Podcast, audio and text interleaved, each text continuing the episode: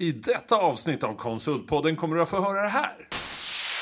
Och där känns det ju lite som konsultbolagen kan lära sig, Ja, för det är ingen verkligen. som har tagit positionen av att vara hård mot kunderna. Nej, jag tänk- så, ja, Sen så ja. tror jag att det, det händer i vissa eh, liksom, dialoger och Jag tror att det förhandlingar är jätte, jättebra just i attraktivitetssynpunkt, både kunder men framförallt Ja. kanske i rekrytering. Krävs ju lite mod. Just så.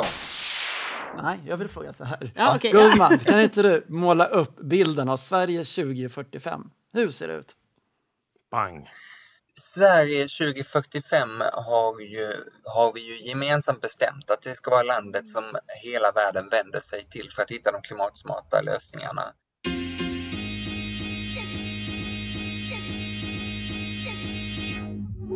Konsultpodden, den största podden för dig i konsultbranschen. Med mig, Helena Torhage, Håkan Mild Svensson och Mattias Loxi. Bakom podden står Berotech och Synode. Konsultpodden. Det här är faktiskt sista avsnittet vi gör i år. Välkomna! Tack, Tack så Mattias. jättemycket Mattias. Hur har veckan varit? De två veckorna? Ja, Jag har haft sån här man-cold. Nej. Jo, du vet hur sjuk man blir då. Ja, så att, det- eh, det är men, men det har kommit klart på bättringsvägen. Ja. Jag har haft super, nu ska jag inte säga super för det har vi gjort i två år nu. Vi har haft fantastiska två dagar med Berotech med eh, strategimötesinledning och ett styrelsemöte som var så positivt. Alltså, Vad roligt. Det går bra nu för branschen det går bra Ja, det för det. oss och det är väldigt så här, mm, så skönt. Framtid. Jag känner mig lite pepp. många rätt. Vad Ja. roligt. Det är kul. Och ni då? Ja, Men jag, jag har haft det bra. De här senaste veckorna har nog rullat ganska snabbt sen jag var här sist. Eh, inte något spektakulärt jag vill lyfta, utan ganska så här mitt i hösten. Ja. Men bra, ja. alltså jag är glad, det är kul. Jag tyckte det var väldigt tänkvärt förra avsnittet. Ja, det har jag lyssnat om lite på. försöka Jobba med mig själv också. Eh, kvar i vabbträsket, det är Ja, det, det är sjuka barn hemma. Men, eh, Vi har lösa det är tänder som gör att barn inte Jaså? sover, men det, det, dit kommer också en ny grej. men är det Men- liksom inte lite grann som det nästan är jul snart så känns det som att vi har jultomten med oss? Ja, det är ju, På vi, länk vi pratar den om det. Gången. Är det jul snart? Jo, men ute på stan så är det jul. Ja, och det vi tog faktiskt ner julgrejerna här, lite tidiga. Ja, ja, ja, ja. Från, från, från vinden, men jag tycker det är lika bra. Det är mysigt. Mm. Men förra gången så var vi på Island internationellt. Mm. Men den här gången så ska vi ännu längre bort. Jaha. Fantastiskt. Häftigt, va? Vi ska ända till Thailand. Och vi har faktiskt en liten nygammal gäst som var med oss, jag tror för faktiskt ett år sedan, typ exakt. Och vi har ju haft ett klimattema. Jag vet inte hur, hur har det- känns, för du är ändå kanske mest av oss tre ändå den som är Men jag har ju älskat att vi har det under hösten och det har varit väldigt intressant att diskutera med olika typer av gäster och personer och med er. Och vi har ju inte riktigt några svar, men nu har vi med oss Ja. en person som kanske har det, eller i alla fall Nu kommer kan, liksom crescendot. För... kan avgöra om vi sagt någonting bra hittills. ja, men varmt välkommen Mattias Goldman. Och- innan vi, vi säger hej till dig så för, vi hade dig som sagt för ett år sedan. Du har varit mäktigast i hållbarhets-Sverige. Mäktigast i, ja, precis. Och precis, och eh, eh, för ett år sedan var du på Sweco, deras hållbarhetschef. Vi vet att de har väldigt eh, bra liksom avtryck inom hållbarhet, om man ska säga. Men nu har du flyttat till Thailand på grund av frugan. Men du kör vidare med klimat och du har varit i Glasgow också. Så varmt välkommen, vi vill höra allt vad du tycker om våra eh, senaste diskussioner och eh, komma med nya input såklart.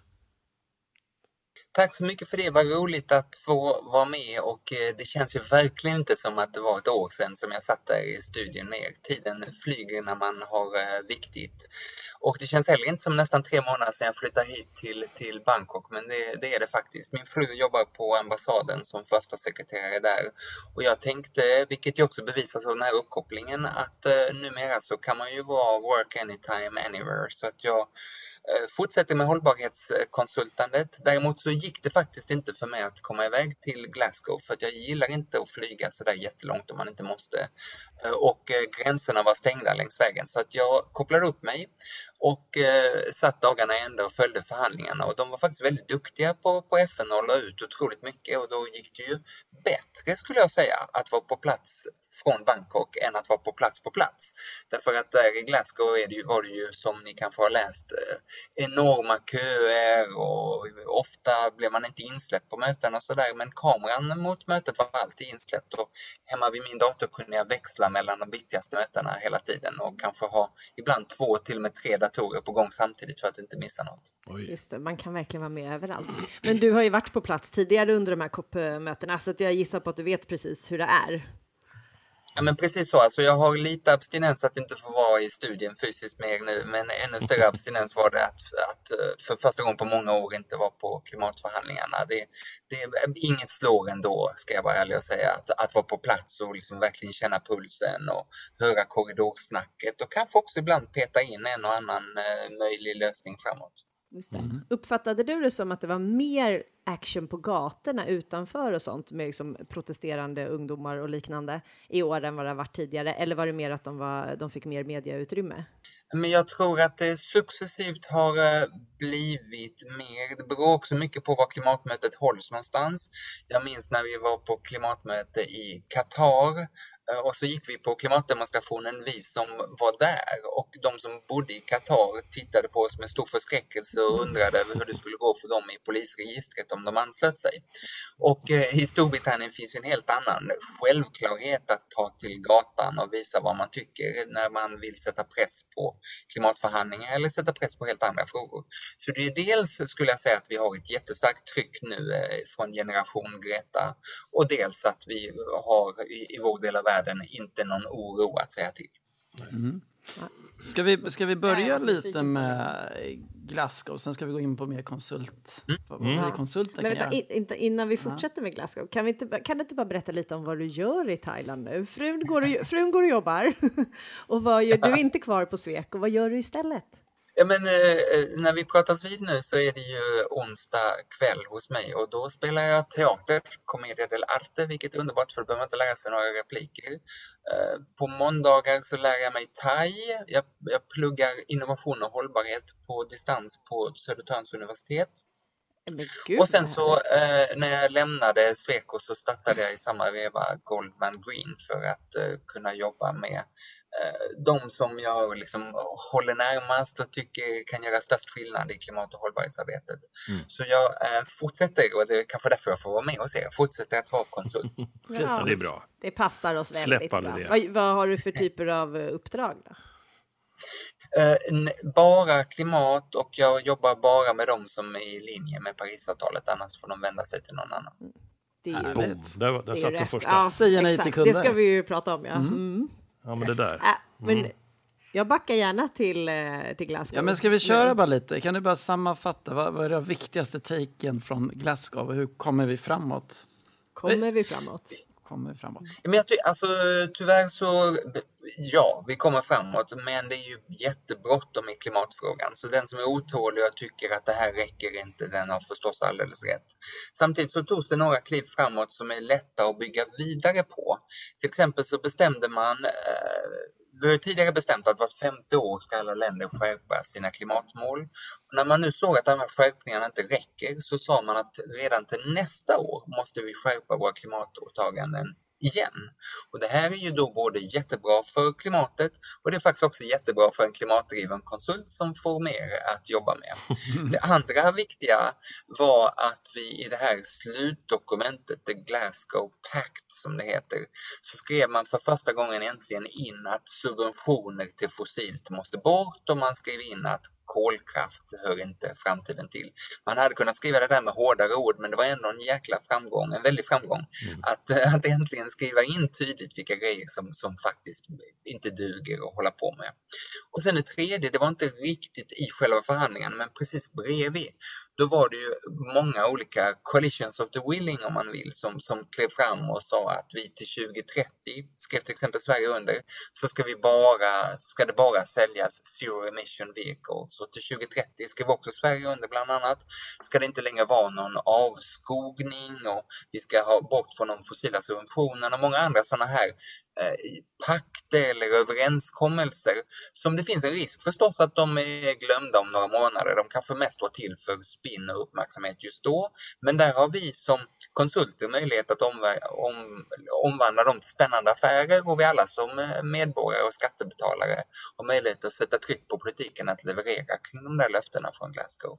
Så att det finns mycket att bygga vidare på och den här Glasgow Pact som jag nämnde, den är faktiskt bara några sidor lång och den är värd att liksom ta en kaffepaus och en understrykningspenna, skriva ut den för en skull, ta understrykningspennan och ringa in sånt som kan vara eh, någonting att bygga vidare på, något som kan vara för en klimatdriven konsult någonting att skapa uppdrag kring till exempel. Mm. Det, det, är jättebra. De här, de här uh, nya liksom, pakterna som skapades länder emellan, har de någon, eh, behöver de följas upp på något sätt eller finns det något liksom, regelverk för hur de jobbar nu? Just för att det inte bara ska falla i glömska. Du, du sätter fingret på en öm punkt där. Jag hörde någon luttrad hållbarhetschef som sa att den hade skrivit under väldigt många högtidliga överenskommelser men aldrig en enda gång varit med om någon uppföljning. Mm. Och den där uppföljningen är inskriven i några av dem. Några av dem skapar nästintill liksom sekretariat för att de ska bli långlivade. För till exempel en, en överenskommelse om metan som är en ganska aggressiv men kortlivad klimatgas. Den överenskommelsen har verkligen liksom ett sekretariat och en uppföljning inbyggd. Men många andra, till exempel den här Zero Emission Vehicles Pledge, har inte alls det, utan då är uppföljningen är just detta att eh, klimatdrivna konsulter ska se eh, både en kanske egennytta som jag inte alls är emot och en klimatnytta i att man håller fast vid dem och ställer länderna till svars och säger hur var det nu med den där överenskommelsen? Mm. Jag kommer ihåg att jag själv frågade UD, Utrikesdepartementet en gång, om man kunde få en lista över alla överenskommelser Sverige genom åren har ställt sig bakom fanns ingen sån lista, vilket ju pekar på att din fråga är väldigt relevant. Många ja. av de där är. Och det finns du ställde ju en väldigt bra fråga till UD också. Och det, det finns, inga, det finns inga straff med att inte uppfylla några av de här målen. Eh, eh, alltså, FNs klimatförhandlingar är ju mellan självständiga stater där varje land har veto och det såg vi ganska tydligt inför öppen ridå när Indien i sista minuten sa nej men här måste vi ändra en skrivning om, om utfasning av, av kol från utfasning till nedfasning. Och de här olika överenskommelserna vid sidan om COP de är till just för att eh, om inte riktigt alla länder vill vara med då kan man göra något i alla fall. Men då är det ju i gengäld då inte bindande utan, utan mer frivilligt. Och då får man mer tänka det som att eh, liksom, det finanspolitiska ramverket i riksdagen är inte heller bindande. Och det klimatpolitiska regelverket i Sverige är inte bindande. Men, men det är en slags gentleman och gentlewomans och gentlehen får man väl säga, mm, ja, agreement om att, det ska Mm. Ja, men det tyder på att det räcker inte att luta sig tillbaka nu som, som allmänhet eller i, i samhället och säga det var skönt, nu har de gjort sitt jobb i Glasgow igen. Nej. Utan det, det, är lite grann upp till oss att måste hela tiden ha nageln i ögat på politikerna mm. att fullfölja. Ja, men, det dels, finns av, dels av klimatskäl men dels också just för alla spännande möjligheter det finns ja. när man omvandlar en Zero Mission Vehicle Pledge till en nationell handlingsplan. Precis, eller något sånt. precis. Mm. Men jag ser det ju också som att även om inte kraven är eh, så höga som man kanske skulle ha önskat så kan vi ju fortfarande utgå från dem men göra bättre. Det finns ju ingenting som säger att man inte kan... Man, eh, man får överprestera. Man kan ta i. Ja, ja. Men, men, men, precis, menar, och det finns... så ska man se det. Ja. Man, ska se, man ska se klimatförhandlingarna som en slags golv. Sämre än så här får ingen vara. Nej. och sen vill ju EU vara bättre än så och inom EU vill Sverige vara bättre. Och inom Sverige finns det en massa företag och en massa konsulter och massa kommuner som vill göra mer än vad Sverige gör som land. Så man bygger mm. vidare från det där golvet. Det är bra. Men äh, för netto noll ska ligga eh, 2050 i världen. Netto noll. Just det. Och, eh, men i Sverige Inget är... exakt årtal utan kring mitten ah, av, okay. av, av seklet. Okay, okay. Mm. Och Sverige har 2045. Jag tänker så här, ja. borde inte Sverige vara ännu tidigare? Förlåt, säger inte jag något dumt, men har inte Sverige sänkt det? Nej, nej. Nej, du, eh, Sverige har inte sänkt det. Så det som är gött med Sveriges mål Ja. är ju att eh, sju partier står bakom. Och jag tycker när jag följer svensk politik på lite avstånd nu så tycker jag att det känns kaosartat på många områden. Men just på klimat så är det ju häftigt att alla de där sju partierna håller fast vid det. Mm. Eh, å andra sidan så får man också se det som att det var superradikalt 2017 när man bestämde sig för 2045 som, som netto-noll-årtalet. Eh, nu är det inte lika imponerande. Du har helt rätt att om liksom Thailand, där jag befinner mig nu, klarar 2050, då är det inte superhäftigt av Sverige Nej, det att klara vet jag inte. 2045. Ja, Nej, nej, men då kanske bara diskussionerna varit att det har Nej, men du har rätt att det är liksom inte alls omöjligt att man kommer att skärpa det. Mm. Men all right, vi har ju haft det här klimattemat, Helena, under hela hösten. Japp. Och tagit upp ett antal frågor, haft ett antal diskussioner Mm. som vi tänkte få Vi, Mattia åter, Goldmans ja, vi på. återbesöker dem, men nu med Mattias vid vår sida. Så får vi Precis. se vart de diskussionerna landar den här gången, om man kanske kan utveckla dem eller hur det kan vara. Eh, men, Vad roligt, jag ska säga bara att jag har lyssnat in för att eh, ni har lyssnare ända bort till Thailand på, på, Fan, på podden. det blir snyggt Och på vår, den här statistikkartan. Ja, vi har lyssnat i hela världen, jag. Yes, stort. Ja, men det är roligt att du gjort det. Vi, eh, du, du eh, får ju avgöra lite hur bra vi har varit då. Men, men en grej vi pratade precis om i början som jag, ehm, det var förmodligen när Anna var här som är, bor på Sri Lanka Ja, för att prata om fler internationella gäster. Eh, så pratar vi om kunskapsnivån, att om vi lyckas höja den bland konsulterna också, inte bara bland ledare och så vidare, utan hos varje konsult så skulle de eh, kanske också vara motiverade, men också kunna göra större skillnad ute hos kunden. Eh, påverka och pusha i rätt riktning och rådgiva kunden, för det är ju så att inte kunderna heller kan allting. Så liksom eh, ett, ett tips då kom vi fram till var att eh, vi utbildar hela konsultbranschen. Vad, vad tänker du om det? Vad Jag tänker var- tycker bara det var att lite eh, stort. din förra eh, arbetsgivare var vi duktiga på det. Sweco måste ju ha haft så att konsulterna var ganska duktiga liksom, oavsett vad man jobbade inom. Jo, alltså jag, och jag borde ju verkligen av ren självbevarelsedrift eh, säga att det är klart att hela konsultbranschen ska utbildas i klimat och vänder med förtroende till Goldman Green så löser vi det. Men, men jag är faktiskt eh, ärligt talat inte så säker på att det vare sig är nödvändigt eller tillräckligt. Alltså Greta Thunberg pratar ju mycket om att liksom, lyssna bara på forskningen så blir allt bra. Eh, och eh, jag tror att vi alla vet, till exempel vad gäller vilken mat och dryck man borde äta och inte äta och inte dricka och vilken motion man borde göra och sådär, så vet vi vad forskningen säger.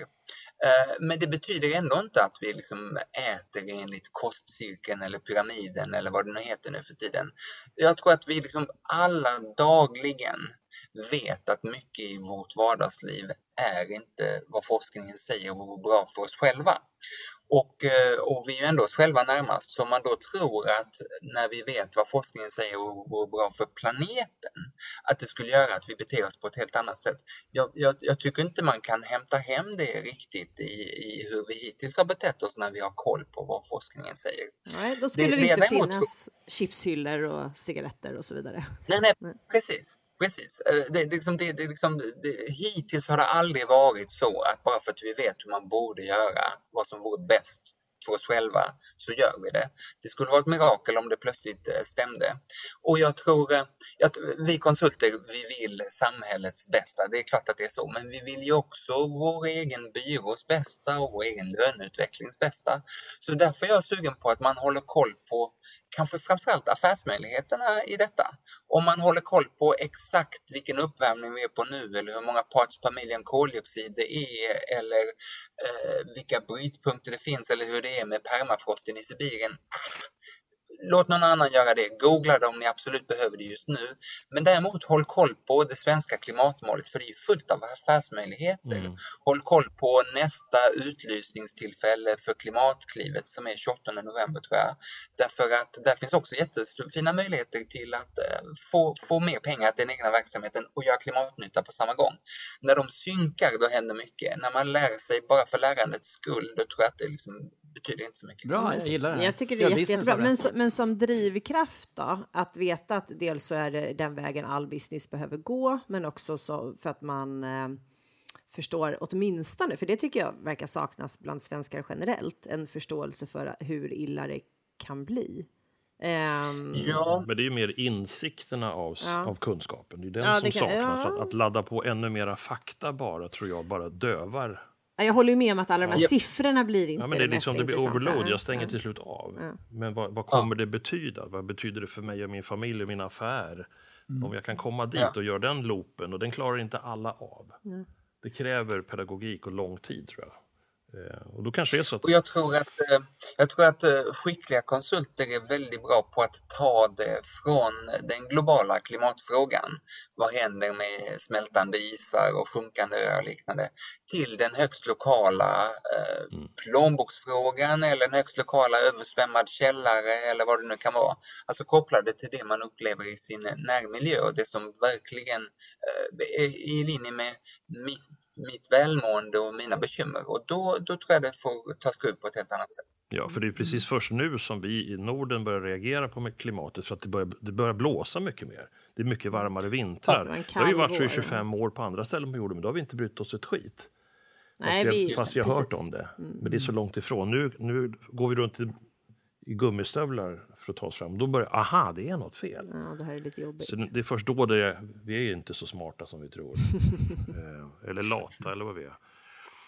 Nej, vi är lite... Men det där med klimatklivet lät ju som en bra grej. Det, det är något, är det, är det via, berätta.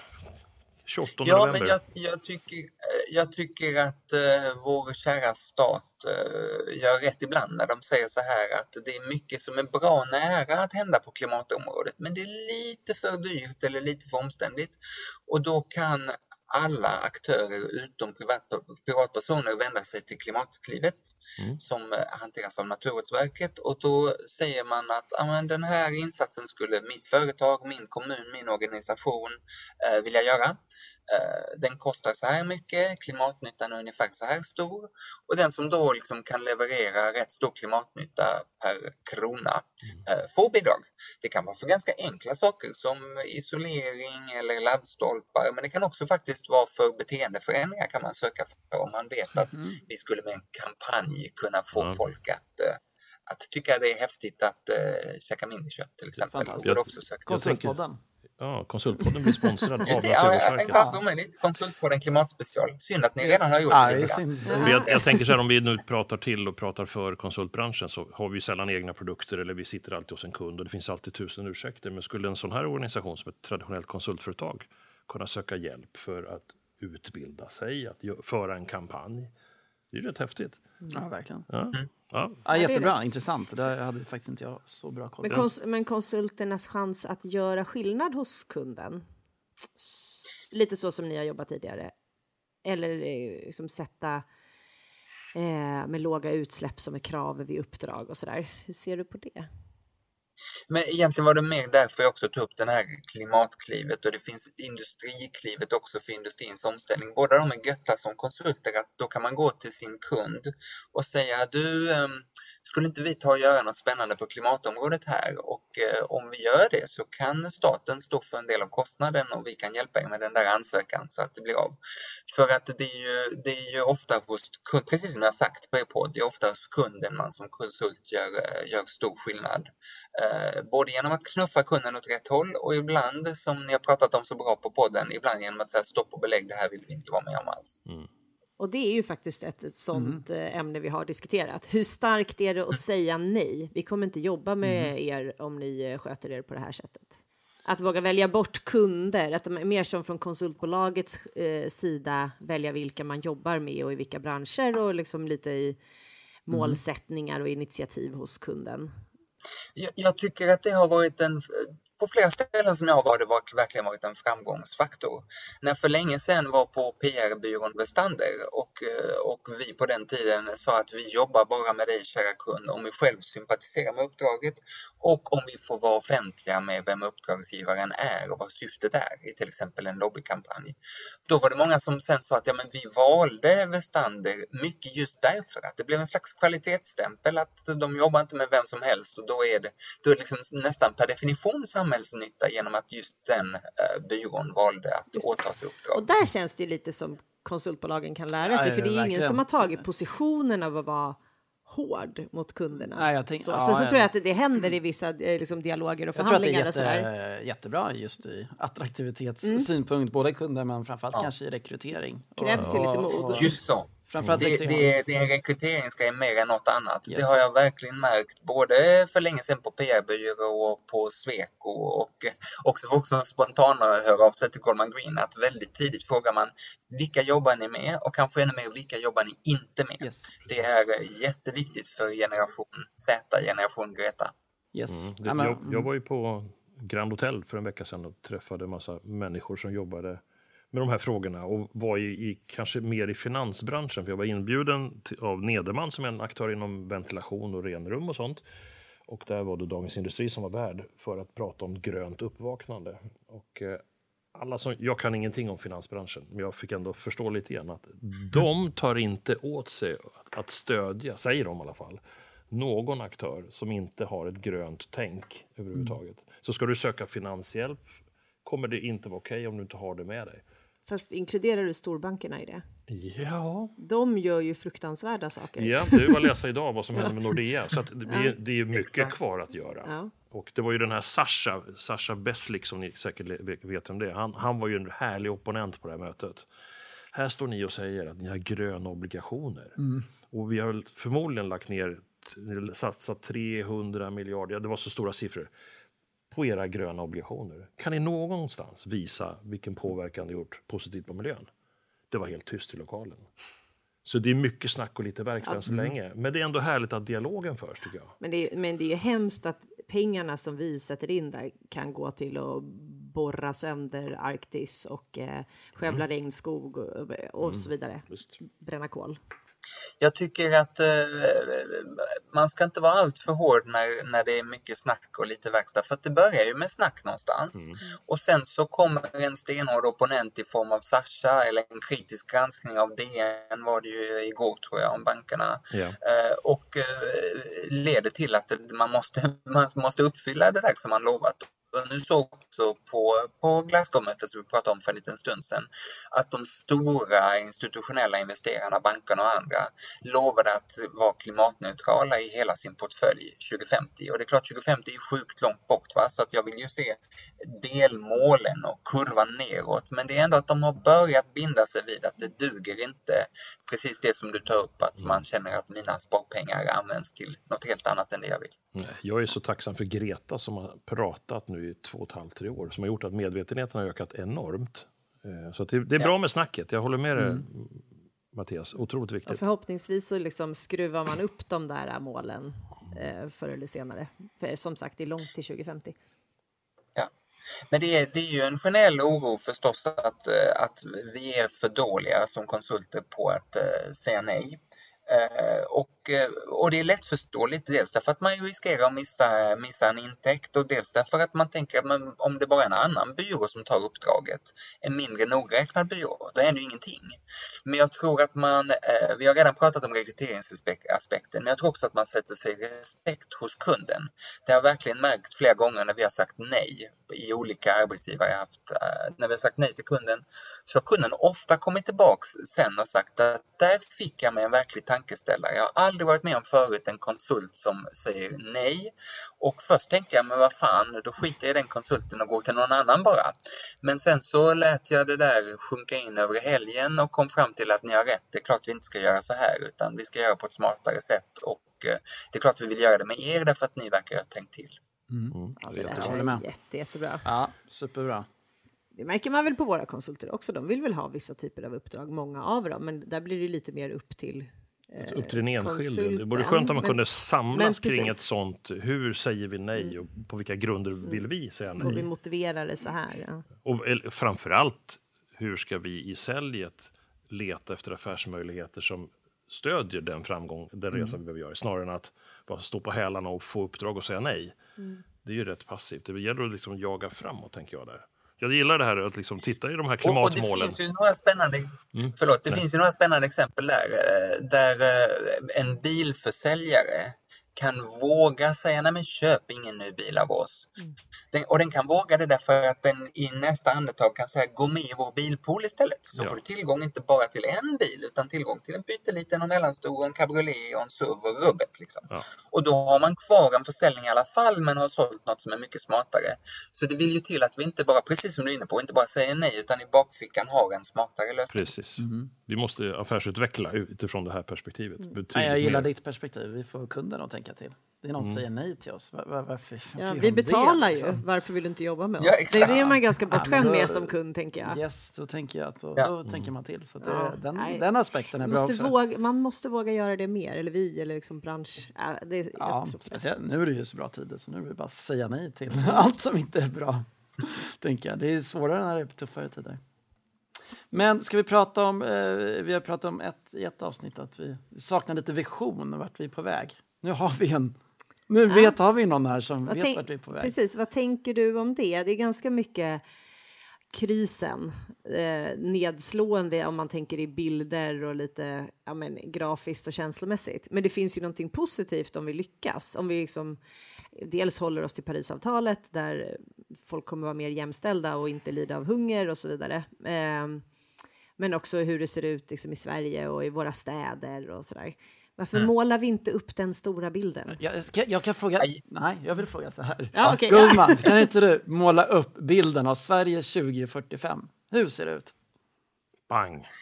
Sverige 2045 har, ju, har vi ju gemensamt bestämt att det ska vara landet som hela världen vänder sig till för att hitta de klimatsmarta lösningarna. Det är här som eh, man väljer från mängder av länder att eh, komma till för att få jobba på våra världsledande batterifabriker i Skellefteå och andra ställen.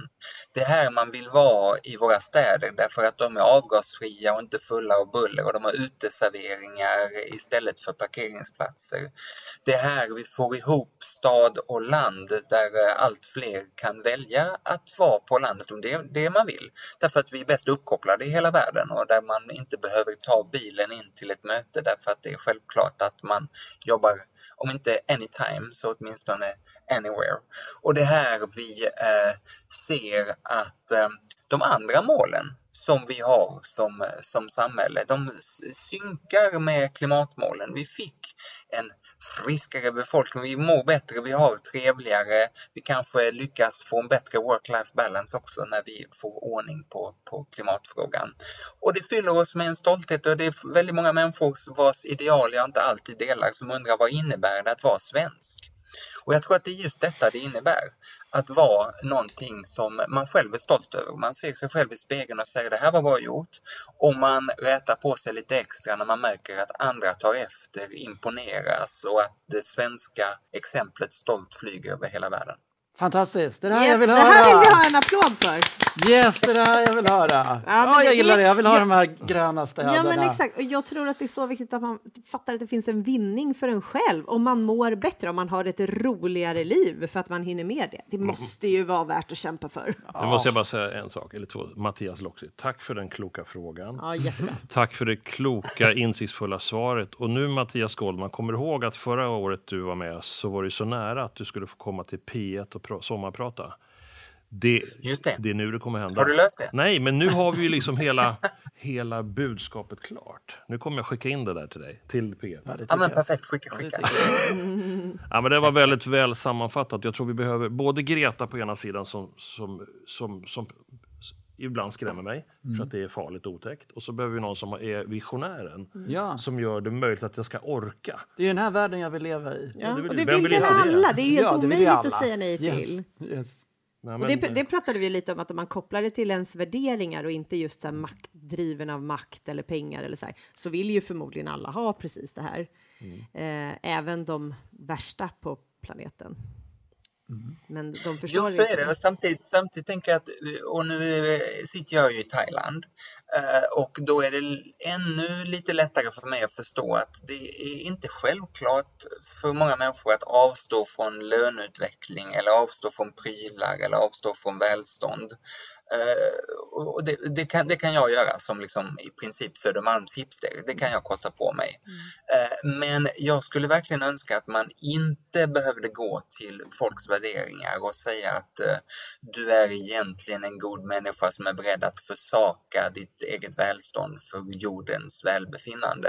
Utan jag vill att det ska vara lätt, lustfyllt och lönsamt att göra rätt. Och jag tror att det allt oftare är så. Jag tror att allt fler mycket hellre vill ha en el-Tesla än en bensin Ford. Ja, och jag tror att väldigt många tycker att det är coolt att ha solceller på taket som bländar grannen när solen står i rätt läge. Och många av de där grejerna som är bra för klimatet är också bra för både löneutvecklingen som konsult till exempel och för eh, egot som medelålders man, vilket är den svåraste gruppen att påverka. ja, det är det.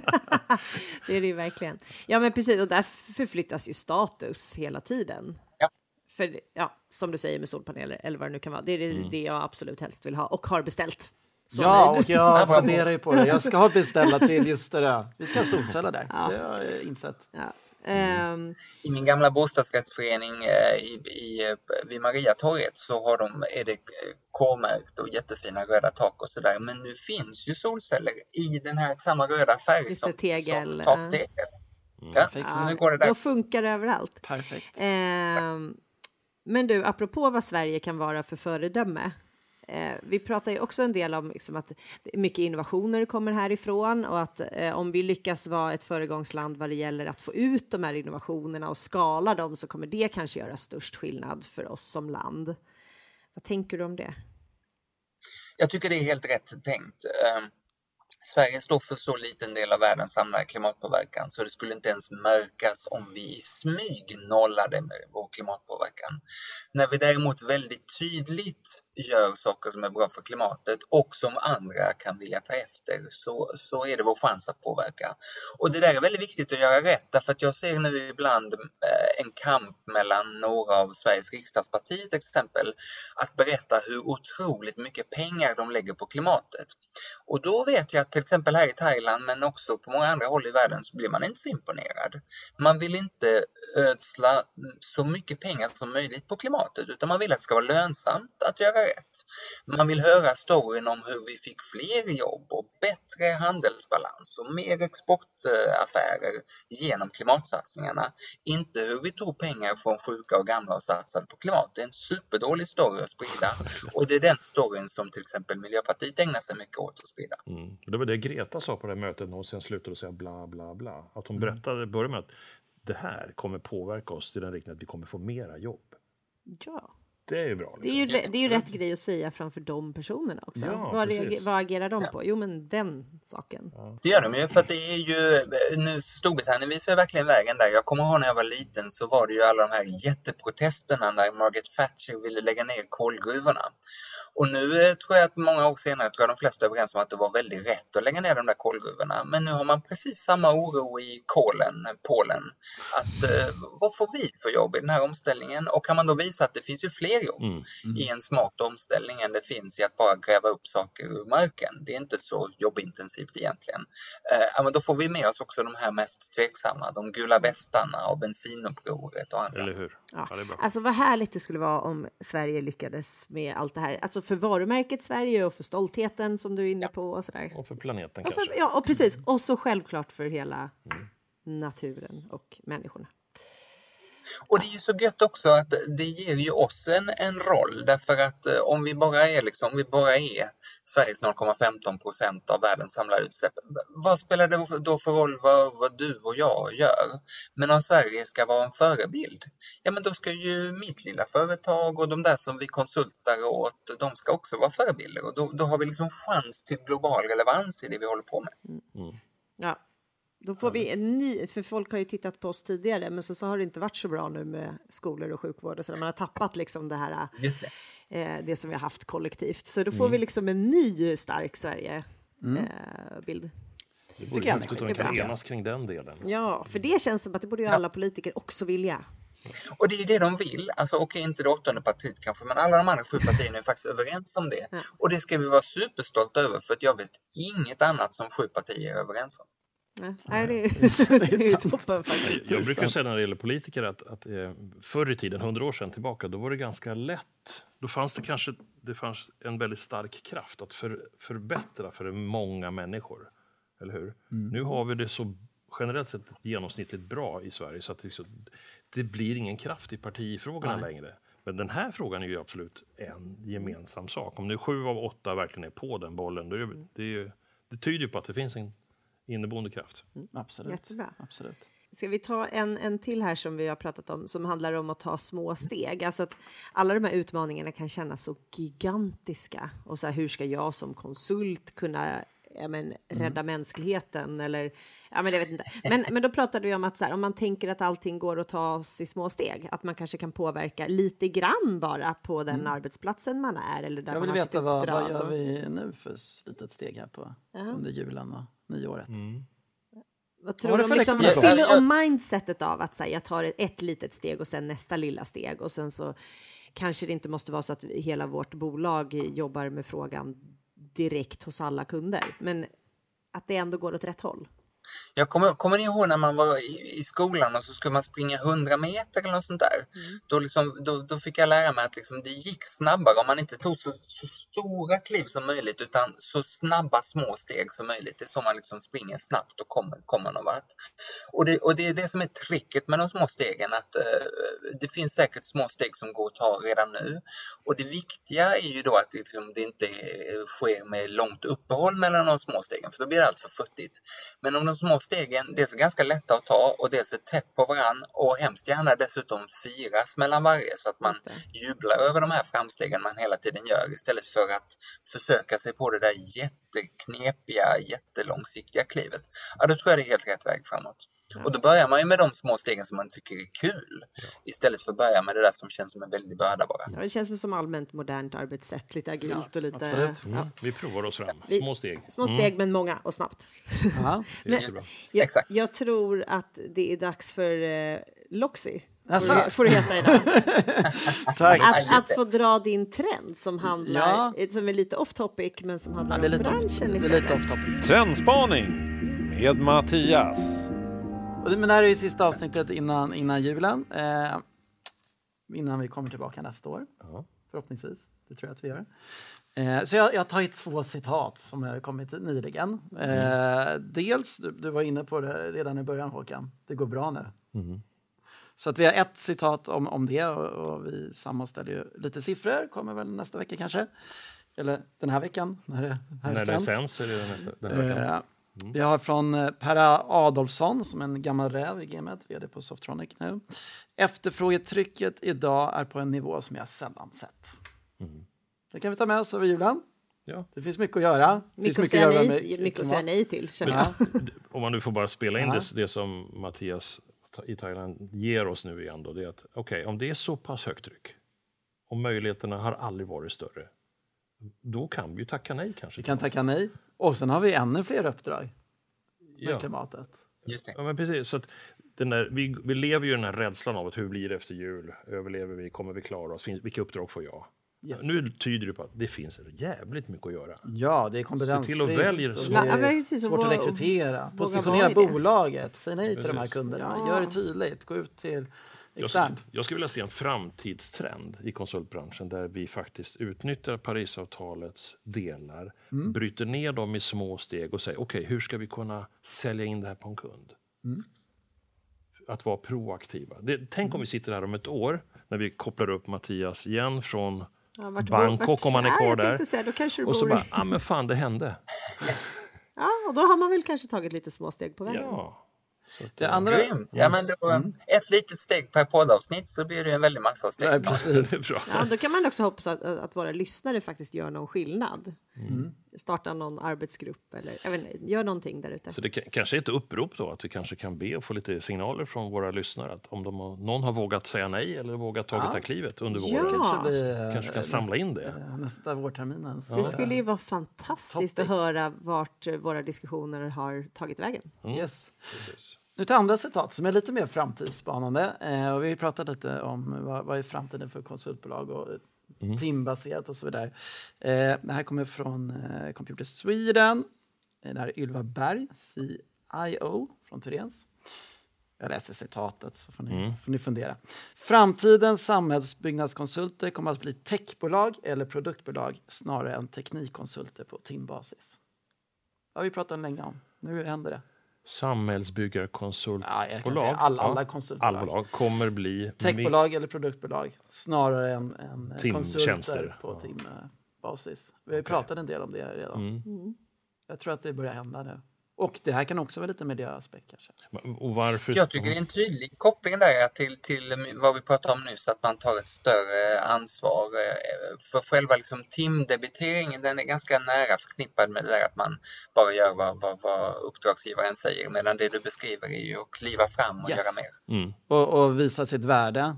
Eh, tar, tar du betalt per timme bara eller har du liksom, jag gör det här. Jag tar nästan aldrig betalt per timme för jag Nej, jobbar så himla snabbt så jag skulle känna för dåligt. Du ser. Du ska ta betalt per värde, men det är också mycket med, med automatisering och digitalisering av mycket, mycket tjänster. Så jag tror att det kommer hända mycket, mycket där framöver. Så det, det är Bra. två citat ni får ta Ja, med handlar- över.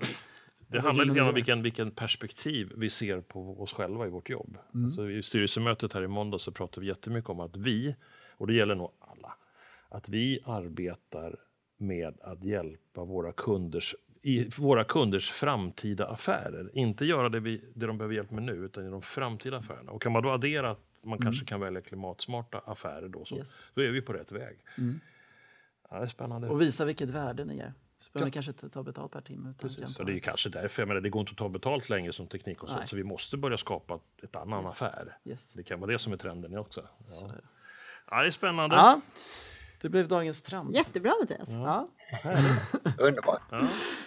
Bra, ska vi, börjar vi eh, summera ihop här? Ja. Vad säger vi? Jag tycker det känns eh, glädjefyllt, positivt. Jag gillar visionen. Ja, Ja, den var ju, verkligen. och sen där så kommer nästan, får vi använda den som citat? Du, Ja, vi ska sprida. Använd den, använd den som citat jättegärna och framförallt som något som vi gemensamt uppfyller. Varenda en som lyssnar och inte Ja. minst eh, vi på podden. Precis, fantastiskt. Ja, men det var starkt. Eh, det jag tar med mig är ju, det framför allt och eh, den positiva synen vi nu känner från att de här hemska bilderna vi får, när vi ropar efter vargen hela tiden, kan ju faktiskt vändas till någonting som vi kan göra affärer av och vara framgångsrika med. Och kanske inte framkalla bara ångest som du säger Mattias, utan att göra avkall på sin situation för att få planeten att överleva, den är jävligt jobbig. Du vänder perspektivet ganska bra tycker jag, att, det- att det finns möjligheter med det här. Mm. Lätt, lustfyllt och lönsamt. Var det så? Så kör vi. Ja, Jag tycker den är, den är extremt bra. Det är så vi får riktig effekt. Tror jag.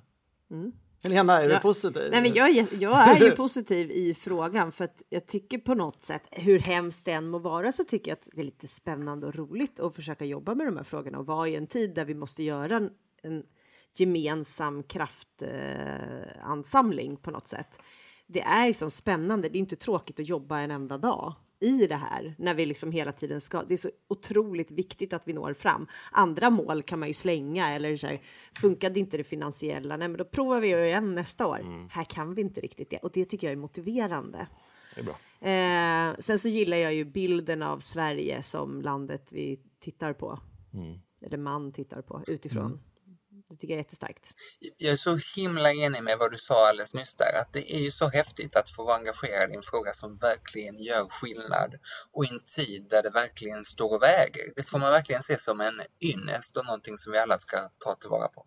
Det är bra. Fantastiskt. Ja. Ja, det här blir väl jätte... Är det nu vi ska säga god jul? Ja, men det känns lite grann Det känns ju helgalet. Vi kan väl, vi kan väl säga något annat. Glad Nu Såg jag en advent. tår i ögat nu? Men det är lite Inte grann så. Glad advent kanske räcker? Karl-Bertils julafton blev det av det här, liksom, när man tar från de rika och de fattiga. När vi liksom fördelar ut det här till fler och förstår Ja, det är ju res- ja, men det är resurser som behöver fördelas om. Ja, hur?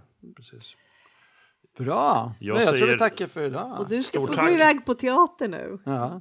Jajamän, nu ska jag iväg och spela Commedia dell'arte så då får jag släppa tankarna helt fria och faktiskt på en hel två timmars session knappt tänka hållbarhet alls. Sen är det hållbarhet igen. Men du, pratar du engelska under det här? Eller kör du Ja, thai? det engelska. Ja, nej, okej, jag tyckte det var, det var stort att ha tagit det steget. Om, om ett år när vi hörs igen, då lovar jag att säga något på thai. Ja, det är bra. Ja, fantastiskt. Jätte, Stort jätte, tack, Mattias, Tack, för att du Mattias. var med. Otroligt eh, bra feedback och input. Underbart att få vara med. Gött att få lyssna på er på Stort Spotify och andra ställen. Ja, det är Ja, Tack det snälla och tack och- Mattias Ja, tack Håkan. och Helena för en Helena. underbar säsong. Ja, men Ja, verkligen. Tack! Härligt. Vi kommer tillbaka. Vi kommer tillbaka efter nyår. Det gör vi. Hej. Ha det gott. Hej då. Hej. Hej då! Det här var nummer 59 av Konsultpodden. Med oss hade vi Mattias Goldman, Goldman Green, hela vägen från Thailand. Sen hörde du också mig, Helena Torhage och Håkan Mild Svensson från Berotech och Mattias Loxi från Sinode. Vi har som alltid producerat på Septemberfilm.